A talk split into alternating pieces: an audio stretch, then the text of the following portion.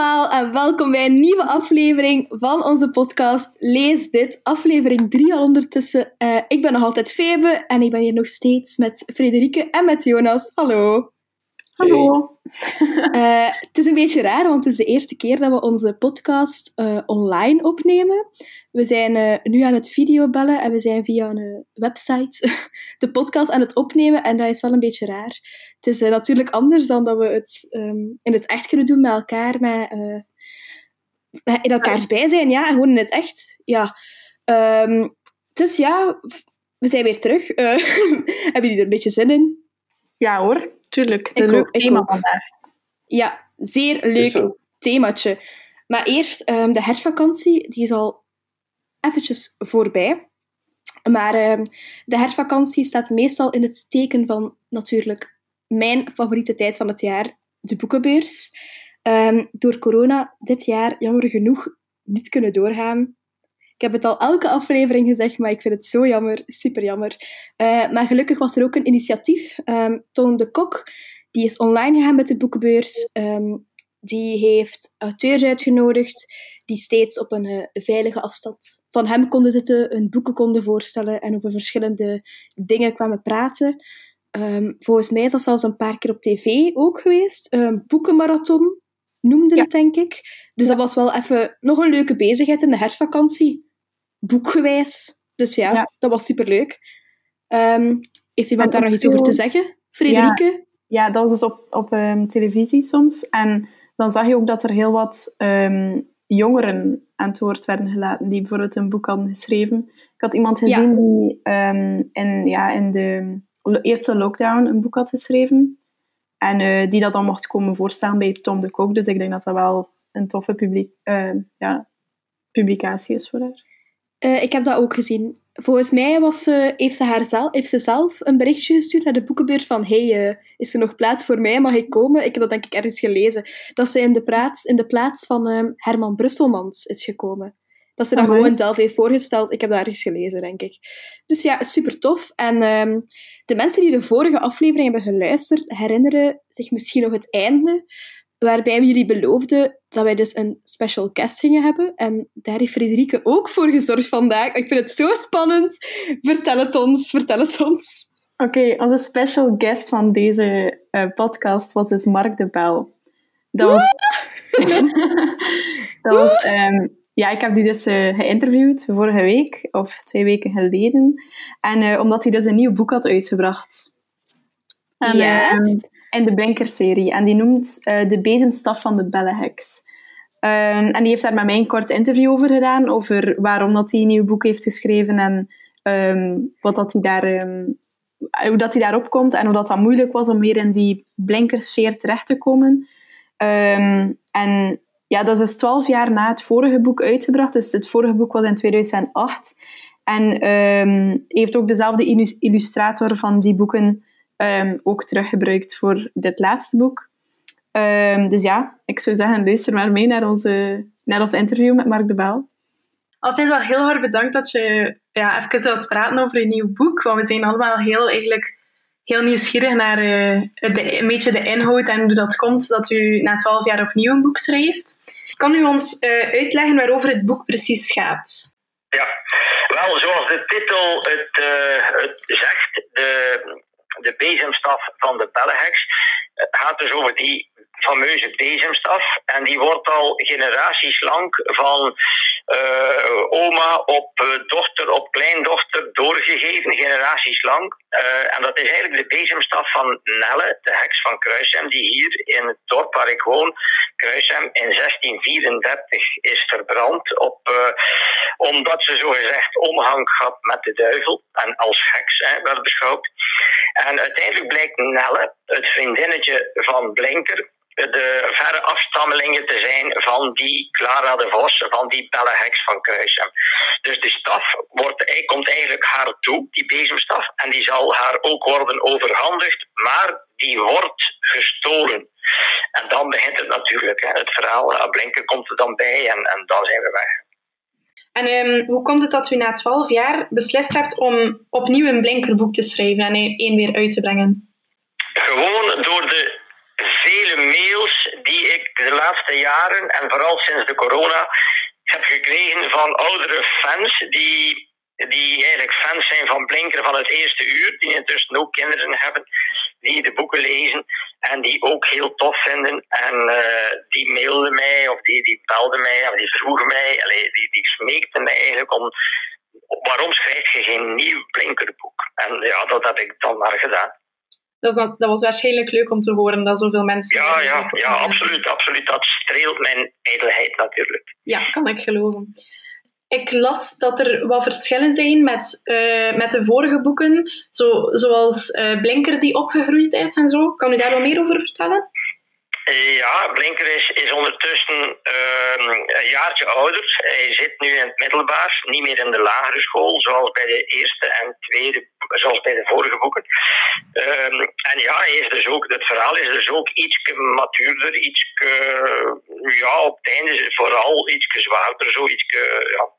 Ja, oké. Um, was het moeilijk om terug in um, het blinkerwereldje terug te komen na twaalf jaar voor u? Nee, nee. Uh, ik, heel vreemd. Ik dacht, oei blinker, dat is jaren geleden. En ik las zo wat diagonaal in de, in de bestaande boeken van Blinker. En na, na minder dan tien minuten zat ik alweer helemaal in die sfeer, in die Blinkersfeer in, in, uh, van toen. Dus dat was, ja, dat was heel, heel aangenaam wel, ja. Oké. Okay. Um, dan u, de illustrator van, het, uh, van de oude boeken, Jan Bosgaard, uh, illustreerde ook weer het nieuwe boek. Hè? En ja, dat klopt. Zag je dat onmiddellijk weer zitten om illustraties te maken voor Blinker? Ja, ja, die had net hetzelfde. Want we mailden naar elkaar. We mailen elkaar elke week toch oh, drie, vier, vijf keer, soms, ja, soms meer. Um, en, en ik, um, ja, ik, ik, mail ook, zeg Jan, ik, ik mailde hem, zeg, had hij ook dat gevoel dat we terug 30 jaar in de tijd teruggeflitst zijn. Ja, ja, zegt hij, ik zit er ook weer helemaal, ik voel me ook weer 30 jaar jonger. Zo. Um, met de eerste blinkers en, en dan want Jan heeft de tekeningen niet gemaakt van de, van de laatste blinkers, omdat dat, die is ook verfilmd en daar is dan een filmversie van gemaakt met, met uh, foto's van de film en zo. Dus uh, ja, ja, nee, Jan had dat ook direct, uh, direct te pakken. Dat is, dat is tof dat dat eigenlijk allemaal weer een beetje nostalgie naar boven brengt, natuurlijk. Ja. Um, en dan een laatste, misschien wel ook een belangrijk puntje van. Um, ik had misschien gelezen dat er een nieuwe film komt ook. Klopt dat? Nee, de, nee, nee, dat is. De, ja, ja, wel. We zijn bezig aan een nieuwe Blinkenfilm, maar niet van dat boek. Van een ander verhaal waar dat nog geen boek van is. Ah, dat is ook interessant. Ja. En dat, dat is. Uh, dat, dat, allee, de Blinker en de, en de boelie van Borom Borom speelt zich af in Afrika. En een boelie is een waterput. Maar daar is, daar is nog geen boek van. Ik heb dat eerst als filmscenario geschreven. En dit wordt momenteel verfilmd, maar het slapakt. Het is een, een uh, 60% Canadese en 40% Vlaamse productie. En die Canadese producent die wil per se namen, grote staracteurs in die film. Maar dat is niet nodig, want die kosten machtig veel geld. En, en, en, ja, en daar, daar, daar uh, loopt het mis, ja. Dus de twee producenten, de Vlaamse producent en de Canadese producent, zeer jammer. Ja. Maar ondertussen ligt, ligt het wel stil. Ja, is dat juist dat ik dat al gelezen had, dat ze, dat ze wilden kijken voor de zoon van um, Michael Jackson? Ja, ja, ah, wel, ja, die Canada, dat is zo in. Dus die Canadese producent die wil per se als dus de, het, uh, de zus van Blinker, uh, Ellen, dat is toch al een vlinderig type. En zo, die heeft het ene vriendje na het andere. Als je de boeken hebt gelezen, dan weet je dat. Mm -hmm. En die gaat dus ook mee naar Afrika en die wordt daar uh, verliefd, allee, of die begint daar aan te pappen met een plaatselijk uh, schone jongen. En voor die schone jongen wil de Canadese producent per se de zoon van Michael Jackson. Maar die vraagt ontzettend veel geld en die kan naar schijnt echt niet acteren. Dus ja, problemen hè. Ja inderdaad, dat is waar. Ja, dat waren eigenlijk zo'n beetje mijn vraagjes, omdat onze podcast eigenlijk ook maar een half uurtje duurt. Dus dan allee, kan de interview ook niet zo heel lang duren. Maar we zijn heel blij dat u uh, wilde meedoen. En uh, ja, met, uh, proficiat met uw nieuwe boek ook, alleszins. Merci. En als ik u een goede raad mag geven, zeker ook mijn andere boek, Lise en Tine, Dochters van de Duivel, lezen. Echt waar. Oké, dat is goed. dat zullen we doen. Ja. Ja, voilà. Dat was het. Uh, uh, Frederike, haar interview met Mardebel. Wel jammer genoeg via de telefoon, want ja, door corona um, zag Mark het niet zo zitten om uh, tot bij ons te komen. En ja, dat was ook niet, totaal niet verantwoord geweest. Dus ja, uh, hebben we het maar zo opgelost via de telefoon. Um, ik vind dat wel super tof om daar nog een keer naar te luisteren. Maar de bel, dat is natuurlijk voor mij toch pure nostalgie. Vroeger zijn boeken, ik vond dat altijd zo leuk. Ik heb daar heel veel herinneringen aan. Uh, het ei van Oom Trotter is ook van hem, denk ik. Uh, super tof boek. En ik vroeg me nu af um, welke boeken jullie zo een nostalgisch gevoel geven. Jullie zo een beetje terugkatapulteren naar jullie jeugd eigenlijk. Dus hey, uh, Jonas, wil jij daar misschien een keer over vertellen? Wel, ik heb ook in mijn jeugdjaren uh, heel veel Mark de Bel gelezen. Waar, allee, onder andere Mark de Bel. Um, zowel uh, in stripvorm als in gewone boekvorm. Ik denk dan aan de knetterkwap-machine, de boeboeks. Dat zijn eigenlijk de, meest, de meeste boeken die ik dan gelezen heb in mijn jeugdjaren. Uh, om, om voor te stellen um, heb ik gekozen um, het boek Drakenoog. Waar dat, dat is eigenlijk een deel van een, een boekenreeks die voornamelijk heel informatief is voor um, kinderen dan voornamelijk. En dit was het eerste leesboek daarvan. Misschien gaan mensen het wel herkennen, maar voornamelijk uit, uit uitzicht, denk ik dan, als je het opzoekt, Drakenoog. Uh, maar ze hebben allemaal een heel frappant uiterlijk. En Drakenoog was het eerste leesboek daarvan. En ik heb dat als kind heel graag gelezen. Het gaat eigenlijk over uh, twee hoofdpersonages die bij een oom moeten verblijven. Terwijl ze daar verblijven, ontdekken ze eigenlijk dat hij een onderzoeker is van draken. Um, en, en zij eisen ook beschermd. Inderdaad, ja. Um, en ik weet niet, dat triggerde mij wel als kind. En dat is eigenlijk een van de weinige boeken die ik echt... Allee, die mij, als, die mij meteen aansprak en die ik ook volledig heb uitgelezen daardoor. Um, maar ik vind het een heel mooi boek. en heel mooie herinneringen aan. Ik kon moeilijk kiezen. Ik, ik heb ook uh, heel veel boeken gelezen van uh, Kippenvel. Ah ja, ik was altijd te bang om die te lezen. Dus die uh, heb ik heel vaak gelezen. Ze zijn heel fijn om te lezen als kind. Oké, okay, top. Frederike, welke heb jij gekozen? Ik ben ook wel benieuwd. um, ik heb een boek gekozen dat mijn papa eigenlijk vroeger altijd voorlas. Dus ik heb het zelf... Oh. Ik, heb het, ik lees het voor aan mijn... Ik las het voor aan mijn kleine broer. maar zelf echt gelezen heb ik niet gedaan. Altijd voorgelezen geweest. En uh, dat boek heet um, Meneer Serafijn. En meneer Serafijn die ging altijd um, naar, de, naar de mensen in zijn dorp toe om, om hen dromen te geven. Dus om te zorgen dat ze een mooie droom hebben s'nachts. En het enige dat hij niet kan, is die droom aan zichzelf geven. Dus hij heeft, altijd, heeft nooit een droom. Um, en hij wil dat dan doen, zichzelf een droom geven, maar dat lukt hem niet. En dan um, op het einde wordt hij dan verliefd en hij vindt dat dat de mooiste droom is geweest dat hij al gehad heeft. En oh. uh, ja, dus dat is heel raar dat ik me nog herinner hoe dat gaat, want ja, het is echt al vier jaar geleden of zo dat ik dat boek heb gelezen. Maar toen dat we besloten om een nostalgisch boek uit te kiezen, dacht ik direct aan dat. En dus dacht ik, ja, oké, zal ik dat gebruiken dan. En jij, Febe? Heb je er toevallig... Ah, je juist vragen of je toevallig nog een leuke anekdote of zo erbij hebt? Ik weet het niet, ja. Um, nee, gewoon, het is gewoon verschillend met jullie boeken, denk ik, omdat, uh, omdat ik het dus zelf nooit gelezen heb. En dat altijd, als mijn, mama, als mijn papa zei, ik ga nu een verhaaltje lezen, dat ik altijd dat wilde horen. Dus Och, ja. Ik, ik ken het ook niet, het boek. Nee? Uh, het is een mooie, nee, mooie illustratie. Ik ken het ook niet. Ah mooie ja, oké. Okay. Super. Uh, ja, wat heb ik gekozen? Ja, inderdaad. ik ik ben gegaan voor Fantasia van Geronimo Stilton. Ik denk en hoop dat iedereen dat wel kent. Ja, ik hoor Frederique al standaard zeggen. Ja, um, sorry, maar dat was echt gewoon mijn lievelingsboek toen ik klein was. Um, Geronimo Stilton, natuurlijk, dat is niet de schrijver van dat boek, maar als kind dacht ik dat wel. Allee, ja, dat, ik vond dat zo een goed uitgewerkt concept dat een muis die boeken schreef. um, volgens mij is het wel een Italiaanse auteur of zo, oorspronkelijk. Ik weet het uh, niet. Denk ik. Ik ben het niet zeker. Ik denk een Italiaanse auteur.